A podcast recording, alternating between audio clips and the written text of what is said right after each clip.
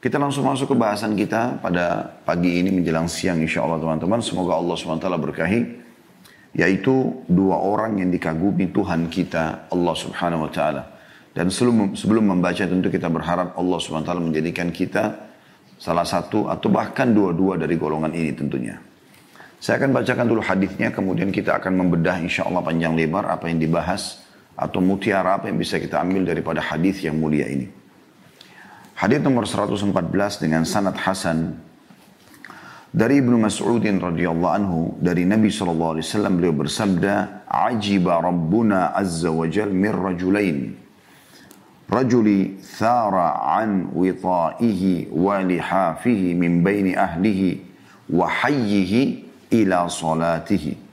Fayaqulu rabbuna aya malaikati ila abdi thara min firashihi ووطائه ومن بين حيه وأهله إلى صلاته رغبة فيما عندي وشفقة مما عندي ورجل جزى في سبيل الله عز وجل فانهزموا فعلم ما عليه من الفرار وما له في الرجوع فرجع حتى أهريك دمه رغبة فيما عندي وشفقة مما عندي فيقول الله عز وجل لملائكته انظروا إلى عبدي رجع رغبة فيما عندي ورهبة مما عندي حتى أهريق دمه Artinya, Rob kita yang maha suci dan maha tinggi Allah kagum terhadap dua orang oleh karena itu penulis memberikan judul dua orang yang dikagumi oleh Tuhan kita Allah subhanahu wa ta'ala. Diambil daripada potongan hadis ini. Rob kita yang maha tinggi dan maha mulia, maha suci kagum terhadap dua orang. Seseorang yang meninggalkan pembaringannya, tempat tidurnya dan selimutnya di antara keluarga dan kampungnya menuju sholatnya. Maka Tuhan kita berfirman, Wahai para malaikatku, Lihatlah hambaku. Dia bangkit dari kasurnya dan pembaringannya. Di antara kampungnya dan keluarganya. Menuju sholatnya. Karena menginginkan pahala yang terdapat di sisiku. Dan takut terhadap azab yang terdapat di sisiku. Dan yang kedua. Yang dikagumi oleh Allah subhanahu wa ta'ala. Orang yang berperang di jalan Allah yang maha tinggi dan maha pemurah. Mereka kalah. Sedangkan dia mengetahui dosa yang diterimanya karena lari dari medan perang. Dan pahala yang diperoleh kalau atau yang pahala yang diperolehnya karena kembali ke medan pertempuran. Dia pun kembali, si mujahid tadi, hingga darahnya tertumpahkan. Karena menginginkan pahala yang ada di sisiku dan takut terhadap azab yang ada di sisiku. Maka Allah Azza wa Allah yang maha mulia dan maha tinggi, berfirman kepada para malaikatnya, Lihatlah hambaku. Dia kembali karena menginginkan pahala yang ada di sisiku. Dan takut terhadap azab yang ada di sisiku. Hingga darahnya tertumpahkan. Diriwayatkan Ahmad dan juga Abu Dawud.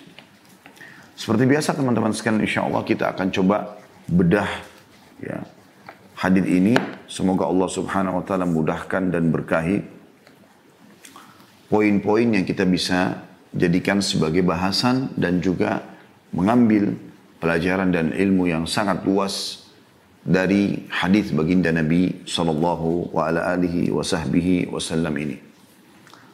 Potongan pertama teman-teman sekalian adalah sabda Nabi sallallahu alaihi wasallam, "Rob kita yang maha mulia dan maha tinggi kagum terhadap dua orang." Kita akan garis bawahi kalimat kagum. Allah kagum. Ini ada isbat atau penetapan salah satu sifat Allah adalah Allah kagum. Tetapi kekaguman Allah subhanahu wa ta'ala kama yang bagi di jalalihi wa azamati sultani. Tentu selayaknya ya, sebagai sang pencipta sesuai dengan kemahasempurnaannya dan kemahatinggiannya, kemahaagungannya. Bukan seperti kekaguman manusia. Baik kita coba lebih dalam uh, melihat seperti apa keterangan tentang uh, kekaguman Allah Subhanahu wa taala ini? Teman-teman sekalian, kagum di sini ya, disebutkan dalam hadis tadi ajib rabbuna min rajulain itu dikuatkan dengan hadis yang lain ya, hadis yang lain hadis ini diriwayatkan oleh Imam Ahmad. Maaf diriwayatkan oleh Abu Ya'la. Di jilid 12 halaman 258 dengan sanad hasan. Yang berbunyi wa idza dhahika fi mautini fala hisaba alaih. Jika Allah tersenyum Allah kagum kepada seorang hamba maka dia tidak akan dihisap lagi Maksudnya hamba tersebut tidak akan dihisap. Oleh karena itu Allah tidak kagum dengan semua hambanya. Anda lihat bagaimana dalam hadis ini disebutkan Allah kagum kepada dua orang atau dua golongan. Bukan semua hambanya. Karena kalau Allah sudah kagum, berarti Allah tidak akan menghisap lagi hamba tersebut. Ini sekaligus menjawab teman-teman sekalian, kalau ada yang bertanya, Memang kalau Allah kagum, dapat apa hamba itu? Karena tadi kan sudah kita baca secara global terjemahannya ya. Di dalam riwayat yang lain, diriwayatkan oleh Imam Ahmad di jilid 37 halaman 144 dengan sanad sahih. Wa idza dhahika rabbuna ila 'abdin fid dunya fala hisaba alaih. Jadi semakna dengan hadis Abu Ya'la tadi ya.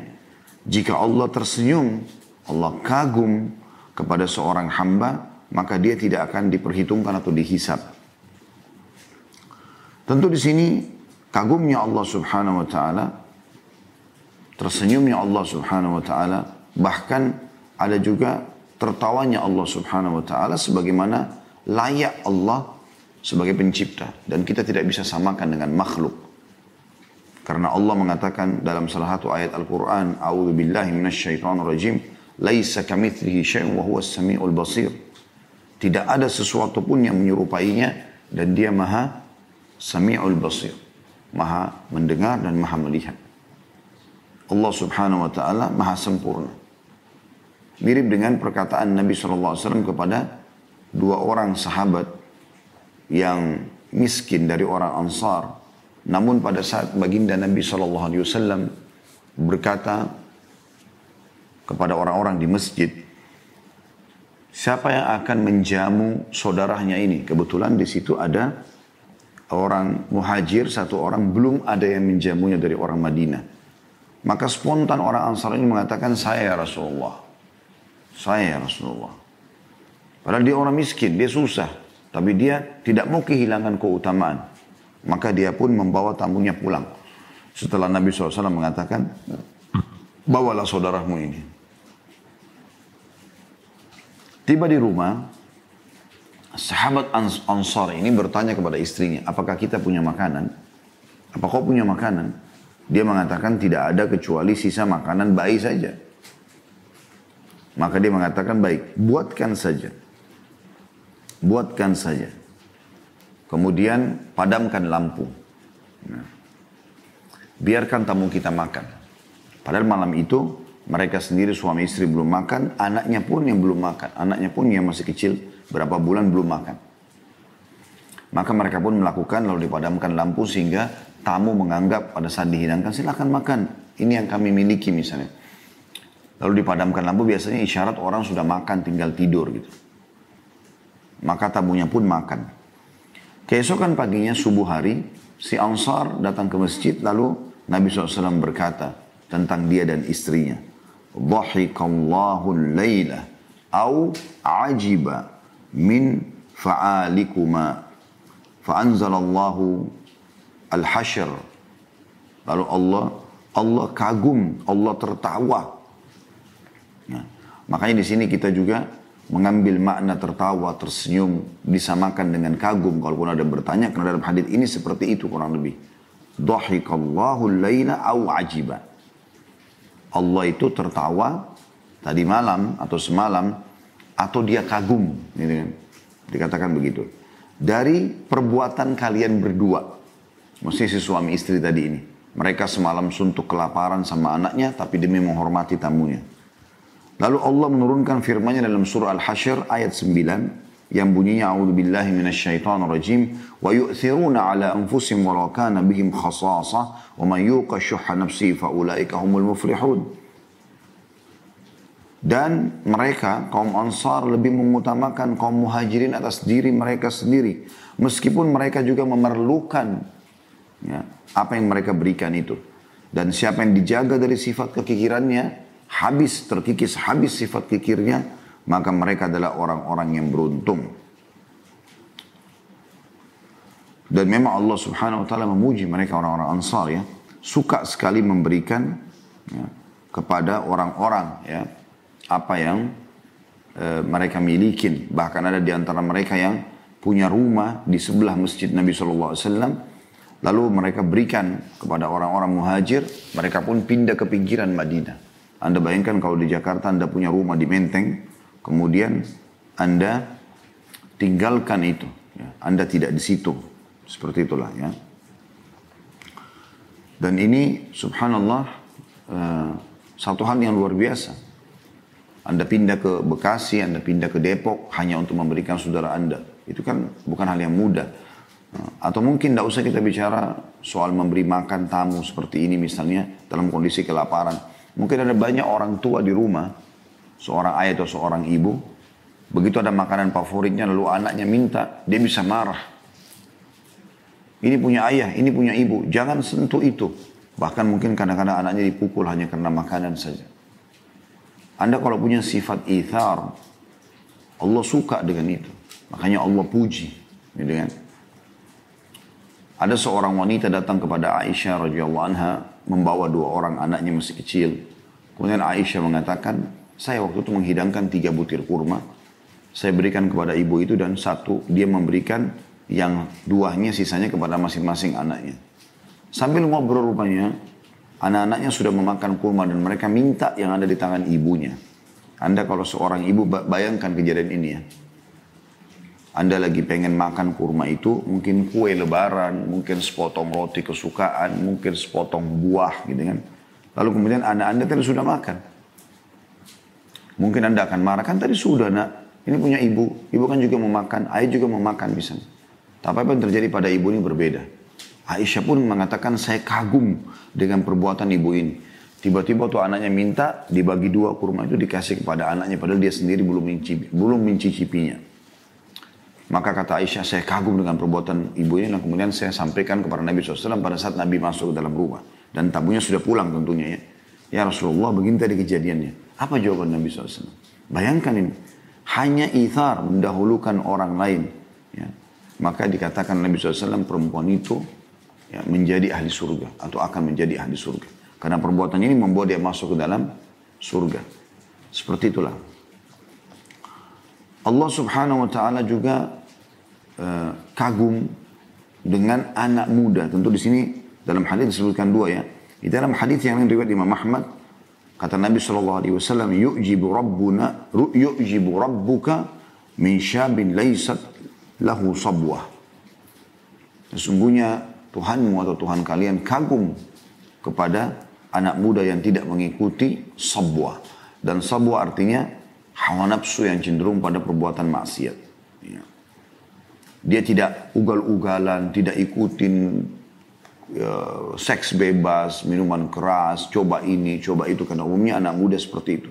Tapi Allah kagum justru anak muda yang luar biasa mereka justru di masa mudanya hafal Al-Quran, di masa mudanya mereka sholat malam, di masa mudanya mereka bakti sama orang tua. Maka ini juga ada kalimat kagum, yu'jib. Seperti itulah. Ini pelajaran pertama daripada hadis kita. Kemudian teman-teman sekalian, kita akan masuk ke potongan yang kedua dari hadis. Allah kagum terhadap dua orang yang pertama adalah seseorang yang meninggalkan pembaringannya dan selimutnya di antara keluarga dan kampungnya menuju sholatnya. Menuju sholatnya. Di sini teman-teman memiliki dua makna. Bisa bermakna dia bangun pada saat dia lagi enak-enaknya tidur, di atas tempat tidurnya yang empuk, apalagi kayak zaman kita sekarang di udara yang sejuk, dinginnya AC, ada istri di sebelah, ya, yang mungkin bisa melayani dia setiap saat, gitu kan. Justru dia bangun untuk mengerjakan sholat malam. Ini berarti dia bangun meninggalkan ranjangnya, sementara keluarganya ada di situ, lagi tidur istrinya maksudnya, gitu kan. Mungkin kalau perempuan suaminya, gitu kan. yang bisa dia nikmati biologis bersama-sama. Dan kampungnya maksudnya sementara seluruh kondisi kampungnya juga lagi tertidur sebagaimana pasangannya. Ini makna yang pertama. Makna yang kedua adalah juga sama, dia terbangun meninggalkan keluarganya, tempat tidurnya, selimutnya. Kemudian dia juga meninggalkan atau melewati perkampungannya menuju ke masjid di sholat subuh. Jadi bisa berbicara tentang keutamaan sholat malam di rumah atau keutamaan sholat di masjid. Seperti itu kurang lebih. Jadi makna di sini di antara keluarganya dan kampungnya. Bisa bermakna tadi adalah dia bangun di rumahnya saja dia sholat malam. Jadi dia tinggalkan ranjang istrinya, ranjang suaminya untuk sholat malam, sementara pasangannya lagi istirahat tidur, lagi enak-enaknya tidur dan orang kampungnya pun begitu, lagi senyap semuanya. Atau bisa bermakna dia meninggalkan ranjangnya dan juga perkampungan eh, eh, dan melewati perkampungan-perkampungan atau rumah-rumah di perkampungan itu menuju ke masjid untuk sholat. Kurang lebih seperti itu. Kita akan bahas dulu teman-teman sekalian tentang masalah pasangan yang bangun di malam hari. Ya, pasangan yang bangun di malam hari. Dan ini bagian daripada agama kita. Hanya saja dianjurkan agar pada saat Anda bangun sholat malam, ajak pasangan Anda. Bangunkan dia supaya Anda selain mendapatkan keutamaan sholat malam, Anda juga akan mendapatkan doa Nabi SAW mendapatkan rahmat. Renungi hadisnya di mana Rasulullah SAW dalam hadis An-Nasa'i dengan sanad sahih bersabda, "Rahimallahu rajulan qama min al-laili fa wa ayqadha imra'atahu. Fa sallat fa in abat rasha fi wajhiha al-ma' rahimallahu imra'atan sallat wa ayqadhat zawjaha fa shalla fa in aba rashat fi wajhihi al-ma' Semoga Allah senantiasa merahmati seorang laki-laki atau suami yang bangun di waktu malam. Lalu sholat. Dan ia pun membangunkan istrinya. Lalu istrinya juga ikut sholat. Di sini rahmat Allah subhanahu wa ta'ala datang kepada dia. Selain memang sudah punya keutamaan sholat malamnya. Dan sepertiga malamnya kalau di sepertiga malamnya. Tapi khusus mengajak pasangan sholat ini dapat doa rahmat. Ayo sholat yuk kita ajak. Apalagi kalau pasangannya ikut sholat, dia juga dapat pahalanya. Bila istrinya tidak mau bangun, ia percikkan sedikit air ke wajahnya. Maksudnya untuk menghilangkan kantuknya. Begitu juga sebaliknya, kata Nabi SAW, semoga Allah ya, merahmati seorang perempuan atau istri yang bangun di waktu malam, lalu ia sholat. Dan ia pun membangunkan suaminya Bila suaminya enggan untuk bangun, ia pun memercikkan air ke wajahnya. Nah, berarti ini memang ada anjuran untuk bangun sholat malam dan menjadikannya sebagai program dalam rumah tangga. Seperti itulah, program dalam rumah tangga, saling membangunkan. Ya. Di sini perlu digarisbawahi, ada sebuah poin penting sekali, walaupun bukan sesuatu yang sangat besar, tetapi faedahnya luar biasa, yaitu Sabda potongan sabda Nabi SAW. Semoga Allah merahmati seorang laki-laki yang bangun di waktu malam lalu sholat. Perhatikan lalu sholat. Artinya dia wudhu kemudian dia sholat. Mungkin dia sholat dua rakaat dulu misalnya ya. Dan setelah itu ia pun membangunkan istrinya. Dan istrinya ikut sholat. Jadi bisa bermakna membangunkan pasangan pada saat selesai wudhu bangunkan pasangan untuk sholat sama-sama yuk gitu loh ya. Kemudian dia sholat. Kalau pasangannya bangun, alhamdulillah. Kalau tidak, dia sholat, kemudian dia percikan air di wajahnya. Atau dia bangun, dia sholat dulu dua rakaat. Ya. Setelah dia sholat, kemudian dia bangunkan keluarganya. Ayo ikut sholat yuk, misalnya. Tapi dia udah ada sholat yang dia kerjakan gitu kan. Supaya pada saat dia ajak pasangannya sholat, memang dianya sendiri sudah mengerjakan itu. Sehingga dia masuk juga dalam hukum yang lain yaitu memanggil orang lain mengerjakan sementara dia sudah mempraktekkannya. Ini sendiri punya hukum syar'i di sini. Ya. Dan ini kepekaan dalam memahaminya tentu teman-teman sekalian. Jadi memang eh, dia mengamalkan dulu baru kemudian dia membangunkan pasangannya. Juga bisa bermakna dan ini juga masuk dalam makna hadis adalah dia bangun sholat malam kemudian dia bangunkan keluarganya. Ayo sholat yuk. Misalnya belum mau bangun. Dia sholat dulu. Dua rakaat salam, dia bangun lagi. Ayo sholat yuk. Belum mau bangun. Dia sholat lagi kembali. Kalau dia sudah bangunkan bolak-balik tidak mau, dipercikkanlah air di wajahnya. Seperti itulah. Dan percikan air ini, kata para ulama atau sebagian ulama, dilakukan pada saat sudah dibangunkan ya, berulang kali dan dia tidak mau. Jadi bukan baru, ayo, ayo, ayo bangun, langsung dipercikin. Bukan begitu. Tetapi dia memang dibangunkan dengan penuh cinta, kasih sayang. Ayo sholat berjamaah yuk dan seterusnya misal. Baru kemudian kalau dia sudah nolak kita udah sholat ya. Baru kemudian kita bangunkan. Dan ini pernah dicontohkan oleh Umar bin Khattab. Beliau kalau bangun sholat malam beliau sholat saja. Dan kalau sudah tersisa sedikit waktu dari malam hari dia bangunkan keluarganya. Bangunkan istrinya, bangunkan anaknya suruh sholat. Lalu beliau membaca firman Allah subhanahu wa ta'ala A'udzu billahi minasyaitonir rajim wa'mur ahlaka bis salati wastabir 'alaiha. La nas'aluka rizqa nahnu narzuquk wal akibatu taqwa. Artinya uh, perintahkanlah keluargamu untuk sholat ya, dan bersabarlah dalam menjaga sholat itu. Kami tidak pernah meminta balasan kepada kalian, ya. tapi kami yang memberikan rezeki kepada kalian kata Allah atau kami memberikan balasan kepada kalian dan kesudahan itu pasti bagi orang-orang yang bertakwa. Ya. Tentu keutamaan sholat malam sudah tidak asing lagi teman-teman sekalian. Bagaimana Allah subhanahu wa ta'ala memang memuji keutamaan orang yang sholat. Ya. Allah, orang yang sholat. Ya. Kemudian juga bisa bermakna sholat ke masjid tadi ya. Ini punya keutamaan tersendiri. Karena tadi salah satu makna yang keduanya adalah dia meninggalkan ranjang keluarganya Kemudian dia jalan di antara rumah-rumah di kampungnya menuju ke masjid. Tentu ini menjaga sholat adalah bagian daripada perintah agama kita. Perintah agama kita. Saya menyebutkan di sini tentang keutamaan sholat. Yang pertama sholat itu bisa mencegah pelakunya dari perbuatan keji dan mungkar. Artinya rutinnya kita mengerjakan sholat wajib ataupun sunnah bisa menjadi tameng yang paling kuat menjauhkan kita dari perbuatan keji dan mungkar, perbuatan dosa dan maksiat.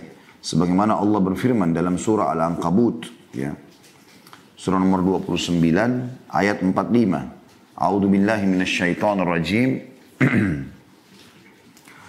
Utlu ma uhiya ilaika ilaika minal kitabi wa aqimis shalah inna salata tanha 'anil fahsya'i wal munkar wa ladzikrullahi akbar wallahu ya'lamu ma tasna'un.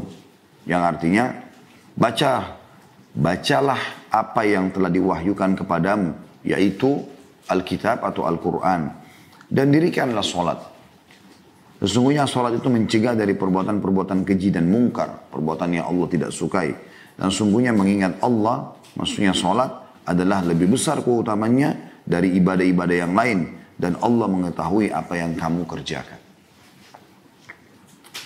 Yang kedua, Salat merupakan amalan terbaik setelah dua kalimat syahadat. Berdasarkan hadis Abdullah bin Mas'ud radhiyallahu anhu, beliau berkata, Sa'altu Rasulullah sallallahu alaihi wasallam ayyul ayyul amali afdal? Qala as-salatu li waqtiha. Qala qultu thumma ay? Qala birrul walidain. Qala qultu thumma ay? Qala al-jihadu fi sabilillah. Aku pernah bertanya kepada Rasulullah Sallallahu Alaihi Wasallam, amal apa yang paling afdol? Yang paling besar pahalanya. Maka Nabi SAW menyebutkan yang pertama, yang paling afdol, yang paling Allah cintai, paling besar pahalanya, sholat tepat waktu. Kemudian aku berkata, apalagi ya Rasulullah setelah itu? Beliau mengatakan bakti kepada kedua orang tua. Lalu aku berkata lagi, lalu apalagi ya Rasulullah? Aku mengatakan, maka Nabi SAW mengatakan jihad ke jalan Allah atau di jalan Allah. Sholat ini teman-teman sekalian, di keutamaan yang selanjutnya adalah bisa membersihkan segala macam dosa-dosa. Jadi bisa mencegah dari kemungkaran, bisa juga membersihkan segala macam dosa. Diambil daripada hadis Jabir radhiyallahu anhu, dia mengatakan bahwasanya Rasulullah SAW bersabda, "Mathalus salawatil khamsi kamathali nahrin jarin ghamrin ala babi ahadikum yagtasidu minhu kulla yawmin khams khamsa marrat." Salat fardu yang lima itu, subuh, duhur, asar, maghrib, isya, seperti sebuah sungai yang airnya mengalir deras di depan rumah atau depan pintu rumah seseorang di antara kalian. Ia mandi dari sungai tersebut sehari lima kali. Dalam riwayat yang serupa kata Nabi Shallallahu Alaihi Wasallam, Bagaimana pendapat kalian kalau di depan rumah kalian saya langsung ke terjemahnya saja. Depan rumah kalian ada sebuah sungai yang mengalir airnya dengan deras. Lalu seseorang di antara kalian mandi sehari lima kali. Apakah tersisa kotoran di badannya? Maka berkatalah para sahabat tentu tidak ya Rasulullah. Sehari mandi lima kali. Di sungai deras. Gak ada kotoran badannya. Kata Nabi SAW itulah perumpamaan lima waktu sholat. Dia membersihkan dosa-dosa. Juga di dalam hadis yang lain kalau salat itu bisa menggugurkan dosa. Hadis yang masyhur dari Abu Hurairah radhiyallahu anhu bahwasanya Rasulullah SAW bersabda, "As-salawatul khams wal jum'atu ila al-jum'ah wa Ramadan ila Ramadan mukaffiratun ma bainahunna idza ijtunibatil kaba'ir." Artinya antara lima waktu sholat, subuh ke duhur, duhur ke asar, asar ke maghrib, maghrib ke isya, isya ke subuh lagi, antara Jumat ke Jumat, antara Ramadan ke Ramadan, pembersihan dosa di antara keduanya, kalau seseorang itu menjauhi dosa-dosa besar. Yang keempat, sholat adalah cahaya di dunia dan di akhirat. Jadi dia bisa memberikan cahaya dalam kehidupan kita. Nah, di dunia dapat selalu petunjuk dan juga di akhirat menjadi cahaya yang sangat terang. Sesuai dengan hadis Abdullah bin Amr radhiyallahu anhu radhiyallahu anhu beliau mengatakan Nabi SAW bersabda man hafaza alaiha tentang salat lima waktu ya kanat lahu nuran wa burhanan wa najatan yaumal qiyamah wa man lam yuhafid alaiha lam yakun lahu nurun wala burhan wala najah wa kana yaumal qiyamati ma'a qarun wa fir'aun wa haman Barang sampai menjaga lima waktu sholat. Gelisah dia kalau sudah mau azan. Sibuk untuk segera menjaga sholatnya. Bersyukurlah teman-teman kalau kita termasuk ini. Dan semoga insya Allah selamanya. Maka sholat itu akan menjadi cahaya dalam kehidupannya. Bukti dan keselamatan baginya. Bukti tentang keimanannya dan keselamatan baginya pada hari kiamat. Karena kita sudah tahu awal amal dihisap hari kiamat adalah sholat. Kalau dia bagus maka beruntunglah dia. Kalau dia buruk maka rugilah dia. Dan barang siapa yang tidak menjaganya, maka ia tidak akan mendapatkan cahaya. Bukti tentang imannya tidak ada dan juga tidak mendapatkan keselamatan di akhirat. Dan pada hari kiamat, orang yang tidak menjaga sholatnya akan dibangkitkan bersama Korun. Anda tahu Korun? Ya, salah satu dari kaum Nabi Musa tapi akhirnya mendukung Fir'aun untuk memerangi Nabi Musa alaihissalam. Allah berikan dia kekayaan sampai di Indonesia kita katakan harta karun ya. Allah tenggelamkan dengan hartanya. Masuk neraka. Fir'aun. Haman. Haman adalah kepala militer. Ya. Menteri pertahanannya Fir'aun. Dan Ubay bin Khalaf. Ubay bin Khalaf ini salah satu orang Quraisy yang mati. Ya. Uh, di atau dari lemparan ya, uh, tombak Nabi Shallallahu Alaihi Wasallam. Nabi tidak pernah membunuh. Tapi pada saat di perang Uhud dia berusaha untuk menggerakkan pasukan untuk menyerang kaum muslimin. Maka Nabi SAW meminta lembing dari Ali bin Abi Thalib kemudian melempar dengan dari jauh kata Ali bin Abi Thalib saking kuatnya lemparan Nabi SAW sampai kami semua terpental. Lalu dilempar. Ubay bin Khalaf ini punya dari kepalanya sampai kakinya ya semuanya besi. Cuma lubang matanya saja dan ada karet penyam, uh, pemisah antara topi besinya sama baju besinya. Di situ ada celah kecil. Ya. Subhanallah, lembing Nabi SAW lewat dan merobek sedikit atau melukai sedikit bagian leher itu pas kena. Maka dia pun jatuh sambil dia teriak-teriak ketakutan. Dia mengatakan, aku telah dibunuh oleh Muhammad, aku telah dibunuh oleh Muhammad. Lalu kata orang-orang pada saat mendekatinya, kau tidak ada apa-apa, cuma luka kecil saja. Dia mengatakan, kalau seandainya Muhammad menudaiku sekarang aku akan mati karena takutnya. Dan ternyata betul. Luka itu membesar, membusuk dan akhirnya dia mati gara-gara itu. Lalu kata Nabi SAW pada saat mendengar dia mati, sesungguhnya murka Allah memuncak pada seseorang yang dibunuh oleh nabinya. Kebetulan Ubay ini bin Khalaf ini suka waktu di Mekah dia punya kuda besar gitu dan dia suka pakai baju perang kalau dia lewat depan Nabi dia mengatakan Muhammad saya akan bunuh kau dengan menggunakan kudaku ini. Kata Nabi SAW, saya insya Allah akan membunuh kau dengan di atas kudamu itu. Dan ternyata terbukti. Dan ini semua adalah orang-orang ahli neraka. Yang Allah subhanahu wa ta'ala masukkan ya mereka di dalam neraka dan bagi orang yang tidak sholat, tidak menjaga sholatnya akan dibangkitkan bersama orang-orang yang mena'udzubillah. Di dalam riwayat lain Abu Malik al-Ash'ari radhiyallahu anhu menyebutkan wassalatu nur dan sholat itu cahaya dalam kehidupan. Juga hadis Buraidah radhiyallahu anhu bahwasanya Nabi SAW bersabda, "Basyiril masya'ina fi dhulmi ilal masajid bin nurit tam yaumal qiyamah." Beritakan, berilah kabar gembira bagi orang yang berjalan ke masjid dalam keadaan gelap subuh hari ya. Bahwa ia akan mendapatkan cahaya yang sempurna pada hari kiamat. Jadi punya keutamaan sholat itu. Gitu kan. Yang kelima Allah mengangkat derajat dan menghapuskan ya, Allah mengangkat derajat dengan sholat itu sendiri.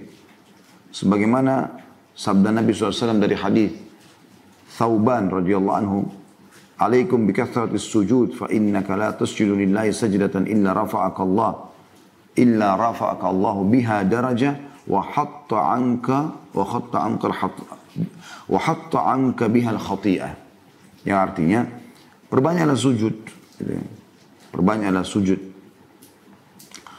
Karena kamu tidak sujud sekali saja untuk Allah. Tentu sini maksud adalah sholat terutama ya. Kecuali Allah akan angkat derajatmu. Satu kali sujud satu derajat. Dan akan dibersihkan darimu satu dosa. Teman yang luar biasa. Yang keenam. Sholat termasuk faktor yang paling utama membawa orang masuk ke dalam surga. Ya.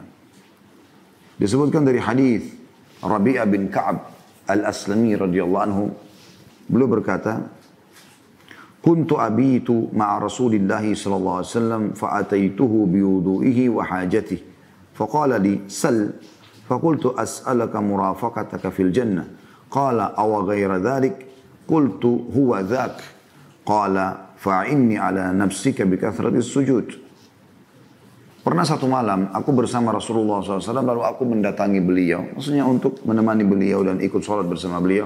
Dengan membawakan air wudhu dan keperluan beliau untuk persiapan persiapan sholat malam. Sallallahu Alaihi Wasallam. Lalu beliau Sallallahu Alaihi Wasallam berkata, mintalah sesuatu. Kau minta sesuatu, kau butuh sesuatu. Maka sahabat ini pintar sekali, cerdas. Ya, dia mengatakan, iya, aku meminta kepadamu agar aku nanti dapat bersamamu di surga. Di mana anda di surga, aku ada di situ. Maka kata Nabi SAW, ada permintaan lain.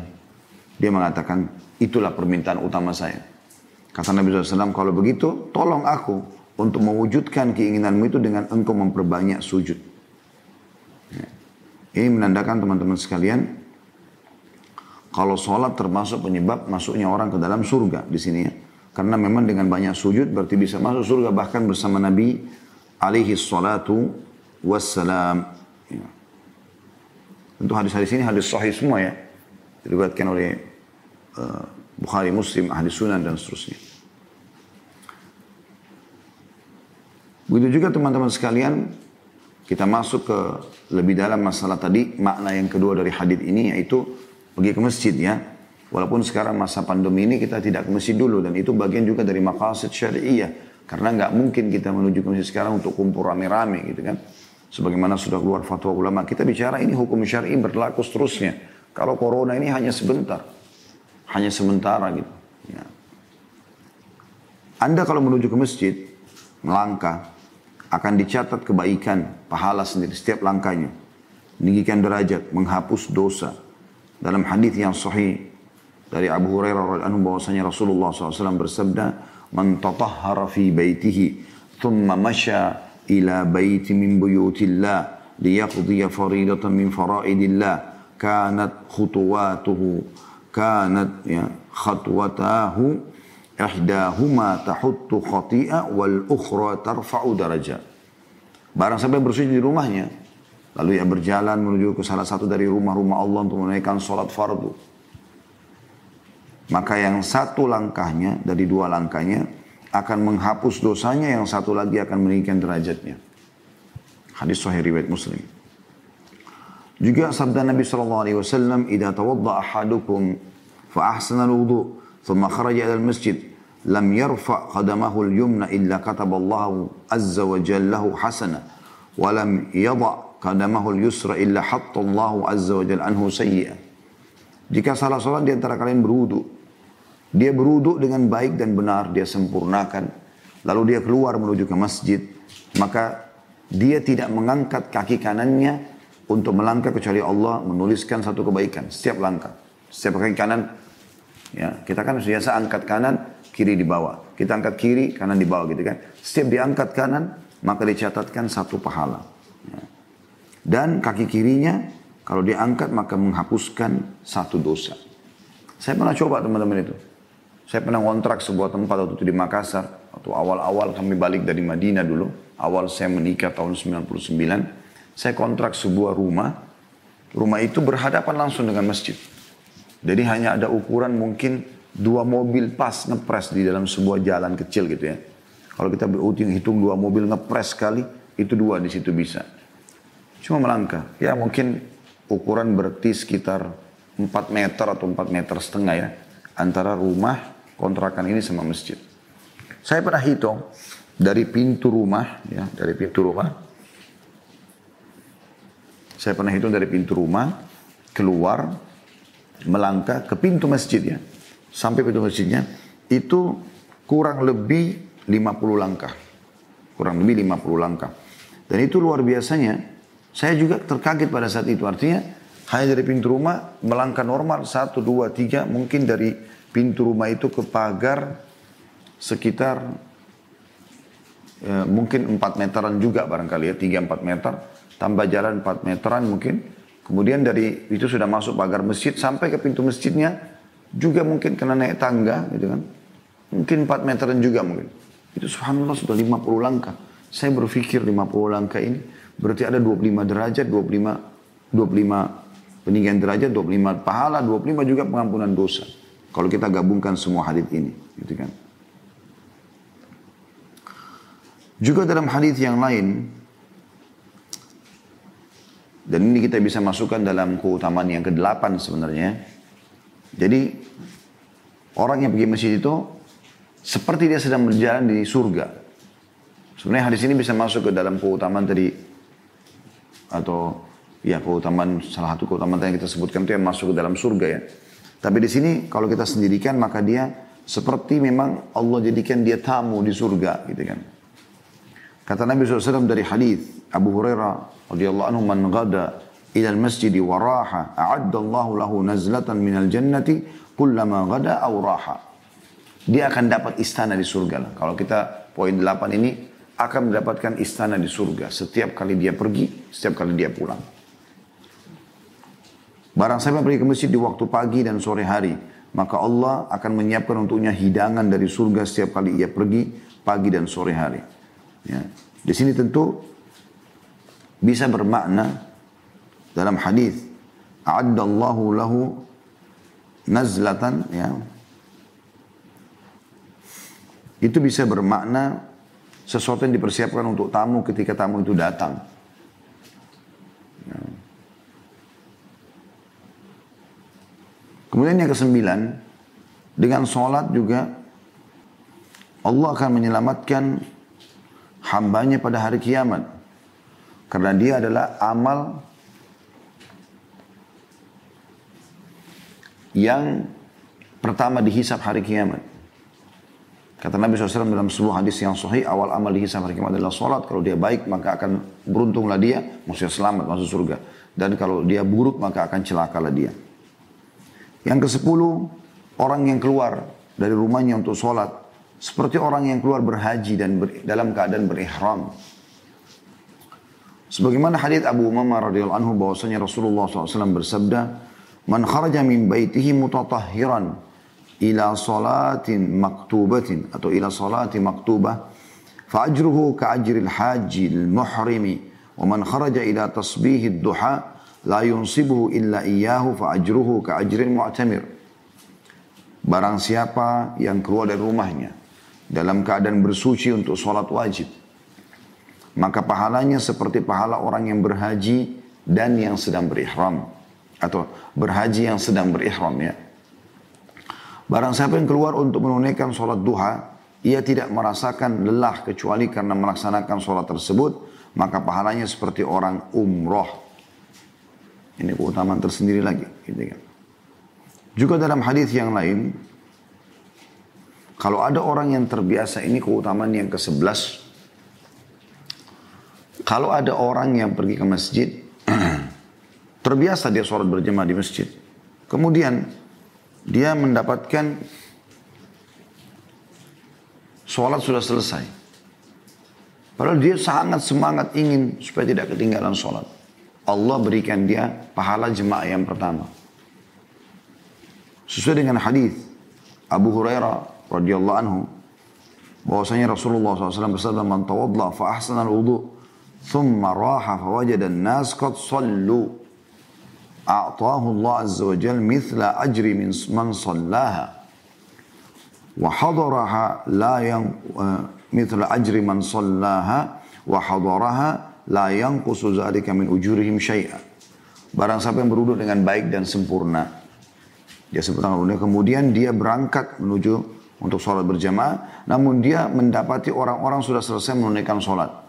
Maka Allah memberinya pahala orang ikut dan menghadiri sholat jamaah tersebut yang awal tadi.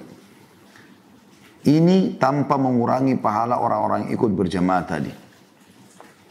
Utamanya yang besar sekali. Kita akan masuk insya Allah ke faedah yang selanjutnya. Ya,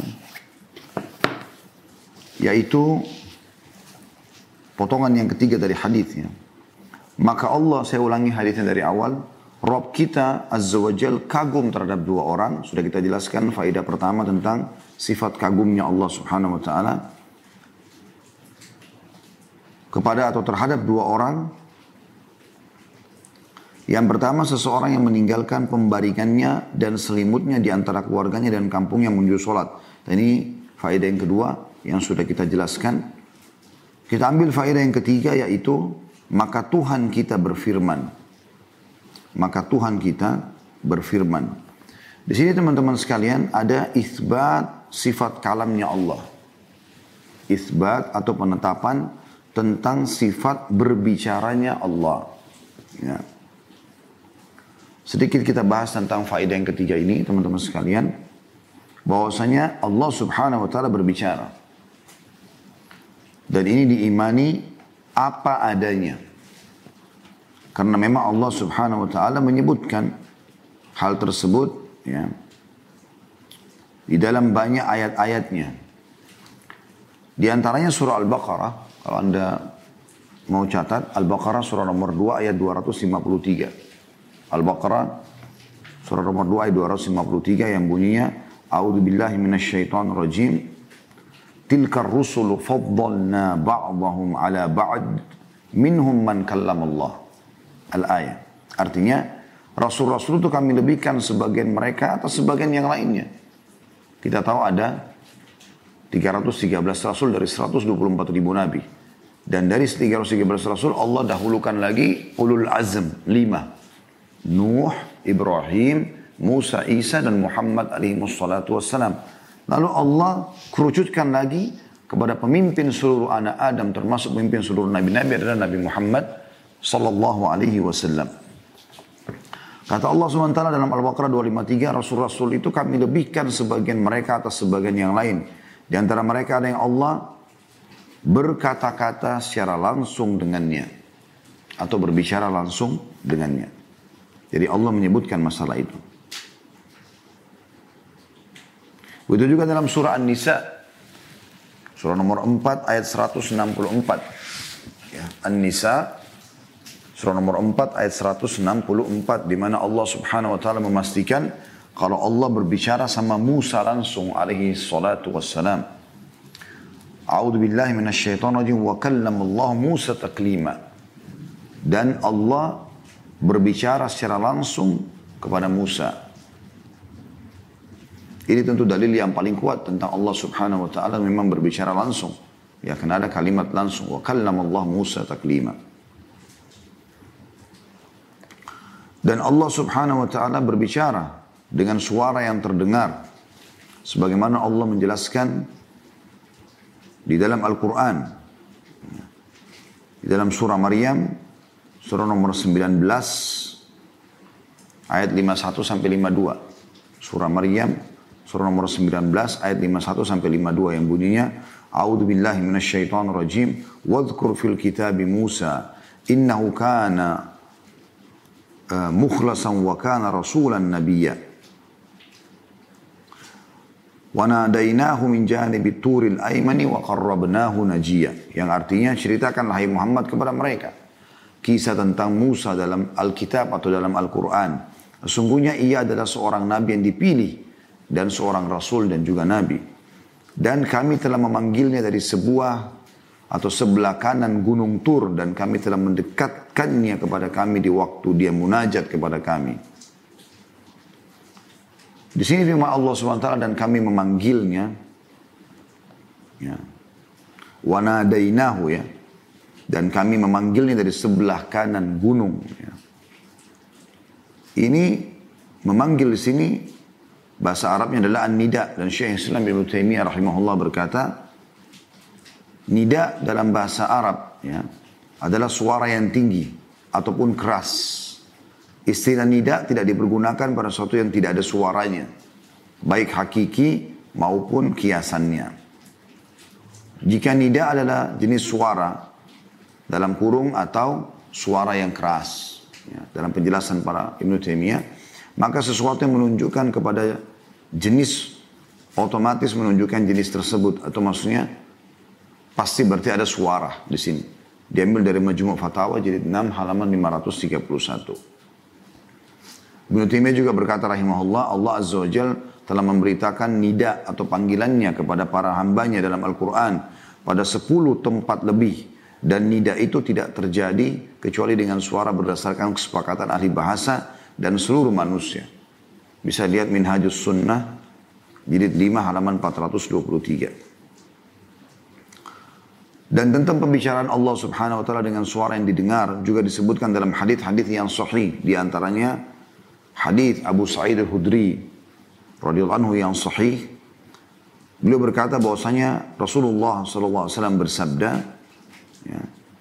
Yaqulullahu azza wa jal yaumal qiyamah ya Adam.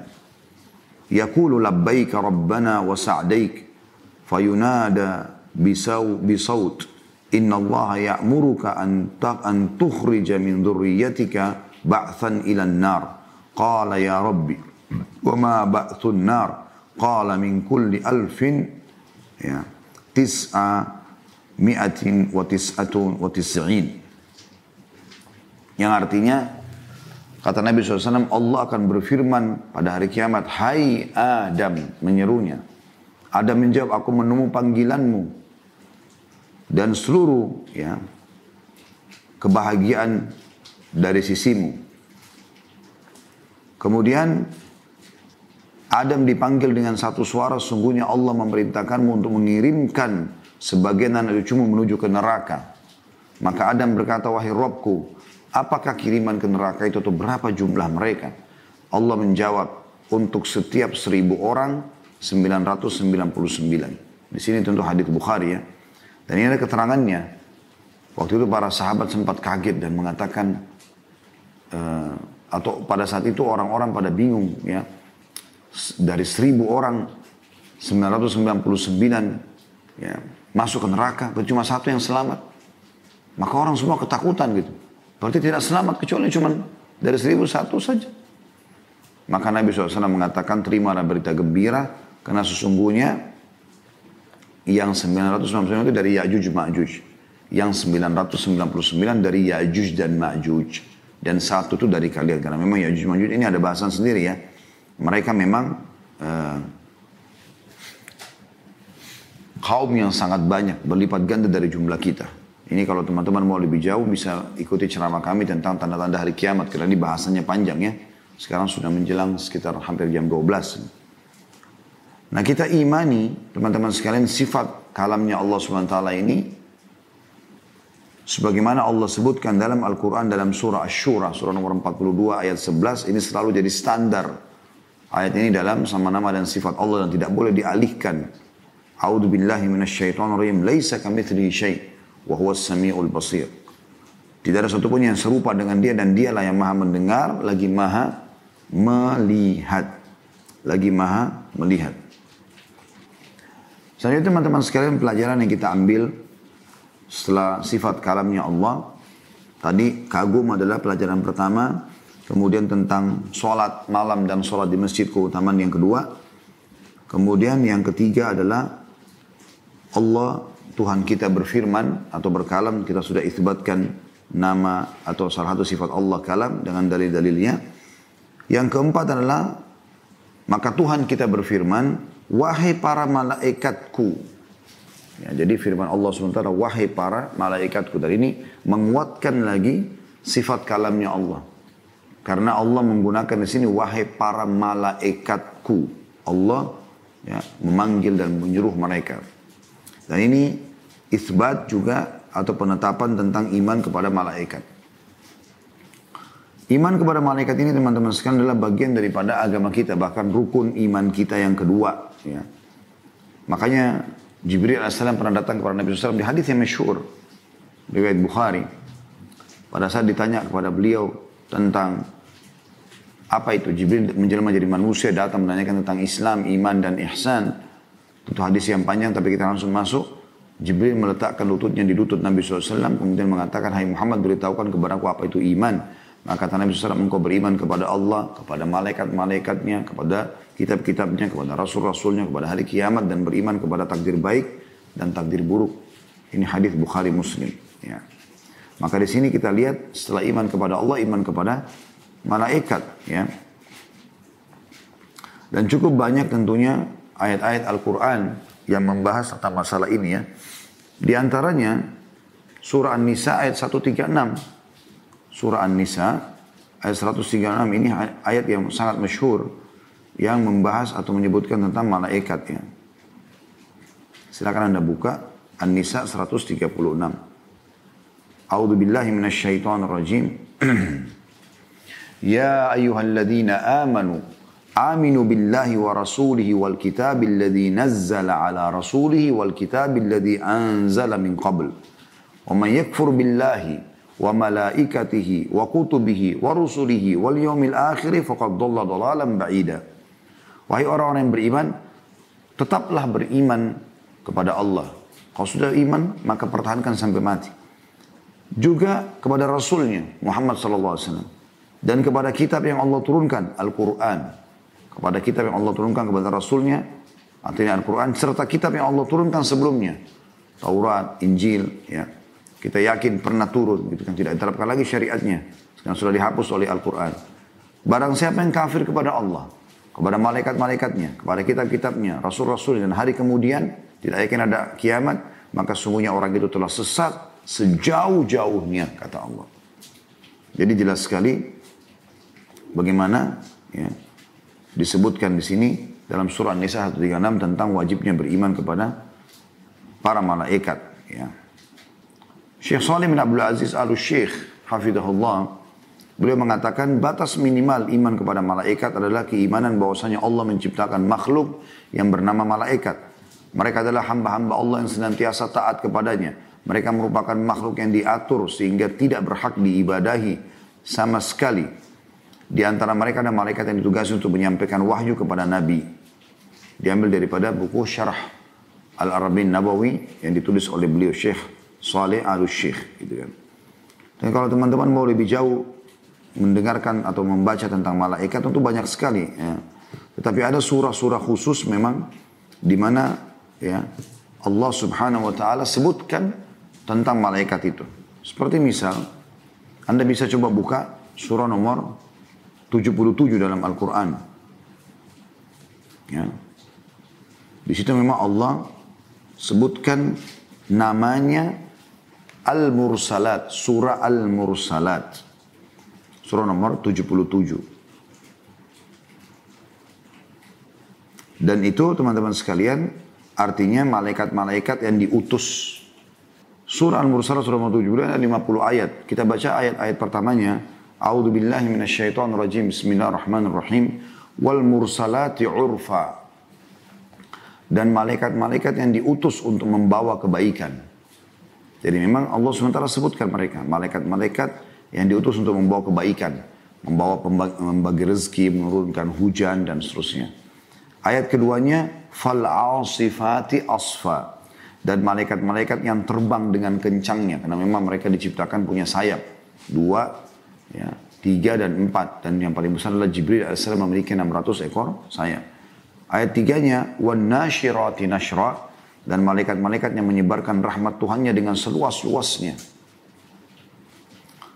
Kemudian yang keempat, fal fariqati farqa dan malaikat-malaikat yang membedakan antara hak dan batil dengan sejelas-jelasnya. Jadi kalau seseorang bisa menipu temannya, atasannya, ya pasangan hidupnya, maka malaikat tidak bisa. Malaikat bisa membedakan mana yang benar, mana yang salah. Allah berikan mereka ya, ilmu itu. Ayat limanya, fal mulkiyati dzikra. Dan malaikat-malaikat yang menyampaikan wahyu. Ini lima ayat pertama disebutkan tentang mereka. Kemudian teman-teman bisa buka juga surah nomor 79. Dua surah setelah itu ya. Surah An-Nazi'at. Atau malaikat-malaikat yang mencabut nyawa.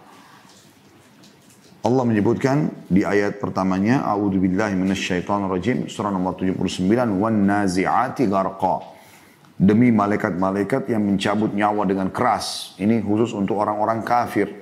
Wa na'udzubillah. Ayat keduanya wan nasyitati nashta dan malaikat-malaikat yang mencabut nyawa dengan lemah lembut. Ini khusus untuk orang-orang beriman dan insya Allah kita termasuk ini. Ayat tiganya wasabihati sabha dan malaikat-malaikat yang turun dari langit dengan cepat. Jadi kecepatan mereka luar biasa karena mereka diciptakan juga dari cahaya dan Allah berikan mereka kelebihan itu. Yang ayat empatnya fasabiqati sabqa dan malaikat-malaikat yang mendahului dengan kencang. Dan ayat limanya ini yang perlu kita garis bawahi ya atau di antaranya kita garis bawahi adalah fal mudabbirati amra dan malaikat-malaikat yang bertugas mengatur urusan dunia. Ya, seperti misalnya mengatur populasi manusia, tumbuh-tumbuhan, hewan-hewan, mengatur menat, uh, mengatur lautan, sungai, hutan-hutan, segala macam, kadar udara, kadar air, kadar api, dan segala macam hal.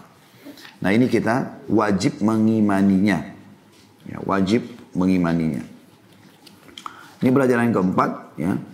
Lalu Allah, saya ulangi dari awal, Rob kita Azza wa Jal kagum terhadap dua orang. Yang pertama seseorang yang meninggalkan pembaringannya dan selimutnya di antara keluarga dan kampungnya menuju sholatnya. Maka Tuhan kita berfirman, wahai para malaikatku.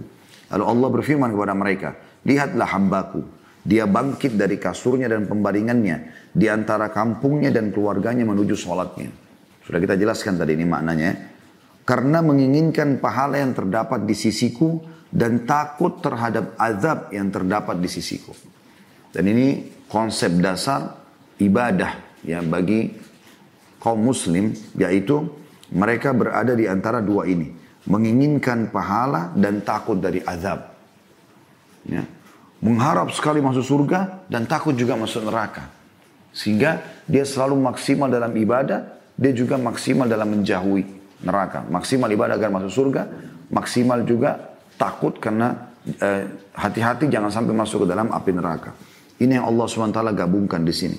Jadi kalau mau dapat keutamanya harus menggabungkan dua hal ini. Dan ini yang biasa disebut dengan khauf dan roja. Khauf dan roja ini salah satu konsep dasar yang harus difahami oleh setiap muslim. Makanya dikatakan kata Allah Subhanahu wa taala di sini ya. Lihatlah hambaku ini dia bangkit dari kasurnya dan pembaringannya di antara kampungnya dan keluarganya menuju sholatnya. Karena menginginkan pahala yang terdapat di sisiku. Mau ngejar keutamaan sholat itu agar masuk surga. Dan sisi yang lain takut terhadap adab yang ada di sisiku. Ini yang sudah kita sebutkan tentunya ya. Kemudian kita masuk teman-teman sekalian. Faedah yang kelima ya yang kita bisa ambil adalah orang yang kedua. Orang yang kedua adalah orang yang berperang di jalan Allah Azza wa Jal. Lalu mereka kalah. Berperang tapi kalah. Gitu kan. Apa yang harus dilakukan sekarang orang kalah ini? Orang biasanya kalah mundur. Gitu kan. Melarikan diri misalnya. Tapi perhatikan di sini. Orang yang Allah kagumi ini justru orang-orang yang berperang di jalan Allah lalu mereka kalah. Sedangkan dia salah satu daripada mujahid itu mengetahui dosa yang diterimanya karena lari dari medan perang. Kita tahu tidak boleh lari dari medan perang. Nanti akan saya jelaskan insya Allah itu. Dari satu sisi dia tahu kalau dia lari, ini ada bagian daripada dosa besar. Bahkan dapat murkanya Allah. Sisi yang lain, dan dia tahu pahala yang diperoleh karena kembali ke medan perang. Boleh terus lagi kembali medan perang walaupun dia sendiri lawan musuh. Dia bisa mati syahid, bisa masuk surga. Ya. Atau Allah janjikan kemenangan. Tidak ada kata kalah bagi seorang muslim. Kalau dia terbunuh, dia mati syahid, berarti dia beruntung, itu target utamanya. Atau dia menang. Maka dia pun akhirnya memilih untuk kembali ke medan perang. Walaupun dia sendirian. Sampai darahnya tertumpahkan. Apakah dia luka atau dia sampai terbunuh mati syahid. Karena menginginkan pahala yang ada di sisiku dan takut terhadap azab yang ada di sisiku. Maka Allah Azza wa Jalla berfirman kepada para malaikatnya, lihatlah hambaku. Dia kembali karena menginginkan pahala yang ada di sisiku dan takut terhadap azab yang ada di sisiku. Hingga darahnya tertumpahkan. Dan sudah kita jelaskan tadi teman-teman sekalian, berarti dia tidak akan dihisap lagi pada hari kiamat. Karena kalau Allah kagum berarti tidak akan di hisap lagi pada hari kiamat. Itu yang dimaksudkan. Dulu teman-teman semua poin ini kalau kita mau bahas ini panjang sekali ya. Seperti iman kepada malaikat itu panjang sekali bahasannya. Teman-teman bisa kembali juga ke kajian kitab Mihadil Muslim yang sudah kami bedah insya Allah di Youtube. Dan mungkin tentu Anda ikutin asal tidak lain mungkin yang jauh lebih sempurna daripada saya penjelasannya insya Allah. Tentang masalah malaikat Anda baca kitab-kitab kalau ngerti bahasa Arab. Anda bisa baca bagaimana keagungan makhluk Allah SWT yang satu ini. Itu sudah kita jelaskan panjang lebar uh, insya Allah di bahasan uh, apa namanya Minhajul Muslim dan mungkin sekali lagi Anda bisa dapatkan dari para asatidah yang lain. Di sini teman-teman ada disebutkan tentang masalah keutamaan jihad. Ya. Keutamaan jihad. Nanti akan kita bahas dan kita tutup dengan ini ya. Namun sebelumnya saya perlu jelaskan dulu tentang tadi ya. Tidak boleh lari dari medan perang. Ini disebutkan dalam sebuah hadis yang sahih yang sudah masyhur sekali hadis Bukhari ya. Melalui Abu Hurairah radhiyallahu anhu bahwasanya Nabi SAW bersabda, "Ijtanibus sab ijtanibus sab'al mubiqat." Jauhilah kalian, jangan sampai kalian terjerumus ke dalam tujuh dosa yang membinasakan. Kalau ya Rasulullah mahun. Maka para sahabat dengan semangat bertanya, apa itu ya Rasulullah? Ini bahaya benar nih. Tujuh dosa Nabi tentukan tujuh yang membinasakan. Maka kata Nabi SAW, asyirku billah. Yang pertama, syirik kepada Allah. Menyekutukan Allah SWT. Yang kedua, was sihir. Yang menjadi penyihir ataupun minta untuk dilaksanakan sihir itu. Orang yang datang kepada penyihir. Yang ketiga, waqatlun nafs allati haram Allah illa. Membunuh jiwa yang Allah haramkan. Yang keempat, wa riba. Memakan harta riba. Yang kelima wa aklu malal yatim, memakan harta anak yatim. Yang keenam wa tawalli yawmaz. Ini saksi bahasan kita dan lari dari medan perang, ya. Lalu kemudian yang ketujuh wa muhsanatil mu'minatil ghafilat. Menuduh wanita muslimah yang baik-baik, ya, lagi terjaga berzina. Hadis masyhur riwayat Bukhari Muslim ya. Di sini saksi bahasan kita teman-teman sekalian adalah lari dari medan perang. Tujuh induk dosa yang membinasakan. Makanya di sini Allah subhanahu wa ta'ala mengatakan pada saat pasukan muslim itu kalah, maka ada di antara mujahid itu yang tiba-tiba terfikir dan menyadari bahayanya dosa kalau dia justru meninggalkan medan perang. Lari. Bagian daripada dosa besar. Karena tidak ada sifat pengicut dalam Islam. Sampai terbunuh pun tidak ada masalah bagi dia. Nah itu yang dia kejar. Mati syahid gitu. Sementara juga dia tahu pahala kalau dia kembali. Maksudnya kalau dia berjihad. Maka perlu kita menjelaskan tentang masalah jihad ini. Teman-teman sekarang kita tutup dengan ini tentunya insya Allah. Masalah jihad ini adalah bagian daripada agama kita. Di zaman kita sekarang ini kadang-kadang dijadikan sebagai bahan sensitif orang kalau bahas jihad. Jadi ada orang yang mengatakan jihad itu kalau dibahas seperti garis keras gitu kan. Sehingga gak perlu dibahas. Bahkan kalau perlu dihapus dari buku-buku fikih. Ini mustahil terjadi. Bagaimana kita menghapus banyaknya ayat-ayat Al-Quran yang menjelaskan tentang masalah jihad. Hadis-hadis Nabi SAW praktik dalam hidup beliau. Begitu juga ada orang yang terlalu ya ekstrim menggunakan bahasa tadi itu orang tidak mau sama sekali sehingga tidak ada jihad. Ada juga orang terlalu ekstrim menyalah, menyalahfahami masalah jihad sehingga mereka tidak punya ilmu, ya tidak ada tidak paham fikihnya kemudian mereka main lakukan kegiatan-kegiatan yang bisa merusak citra Islam seperti bom sana sini sehingga ini mengatakan itu jihad ini merusak citra jihad. Sementara kita berada di tengah-tengahnya. Perlu kita jelaskan yang benar seperti apa. Karena ini adalah perang suci dalam Islam. Dikatakan dalam definisi jihad oleh para ulama. Langsung saja secara terminologinya ya. Atau istilahnya. Yaitu muharabatul kuffar. Wahuwa al-mughalabatu wal-iftiragu. Ma fil wasa. Wattaqa min qawlin au fi'l. Yaitu jihad memerangi orang kafir dengan berusaha dengan sungguh-sungguh mencurahkan kekuatan dan kemampuan baik berupa perkataan maupun perbuatan. Ya. Dan ini tentu jihad umumnya dibagi oleh para ulama menjadi tiga bagian. Ada jihad melawan musuh yang nyata, pergi ke medan perang sebagaimana Nabi SAW menuju ke Badr, memerangi kaum musyrikin, di perang Uhud, di perang Ahzab atau perang Khandak, di perang Hunain, eh, Fathi Makkah, Hunain, kemudian Tabuk, ya, ini semua perang Khaybar. Ya. Ini semua adalah contoh-contoh dari Nabi SAW. Dan ini yang jadi saksi bahasan kita tentunya. Kemudian yang kedua adalah jihad melawan syaitan dan yang ketiga jihad melawan hawa nafsu. Tapi kita akan fokus saja ke masalah yang pertama. Allah Subhanahu wa taala memerintahkan kita agar berjihad ya. Di dalam firman-Nya misalnya contoh dalam surah Al-Hajj Surah nomor 22 ayat 78. A'udzubillahi minasyaitonirrajim. Wajahidu fillahi haqqa jihadi. Dan berjihadlah kalian di jalan Allah dengan sebenar-benar jihad. Juga di dalam Al-Quran surah At-Taubah. Surah nomor 9 ayat 41. A'udzubillahi minasyaitonirrajim.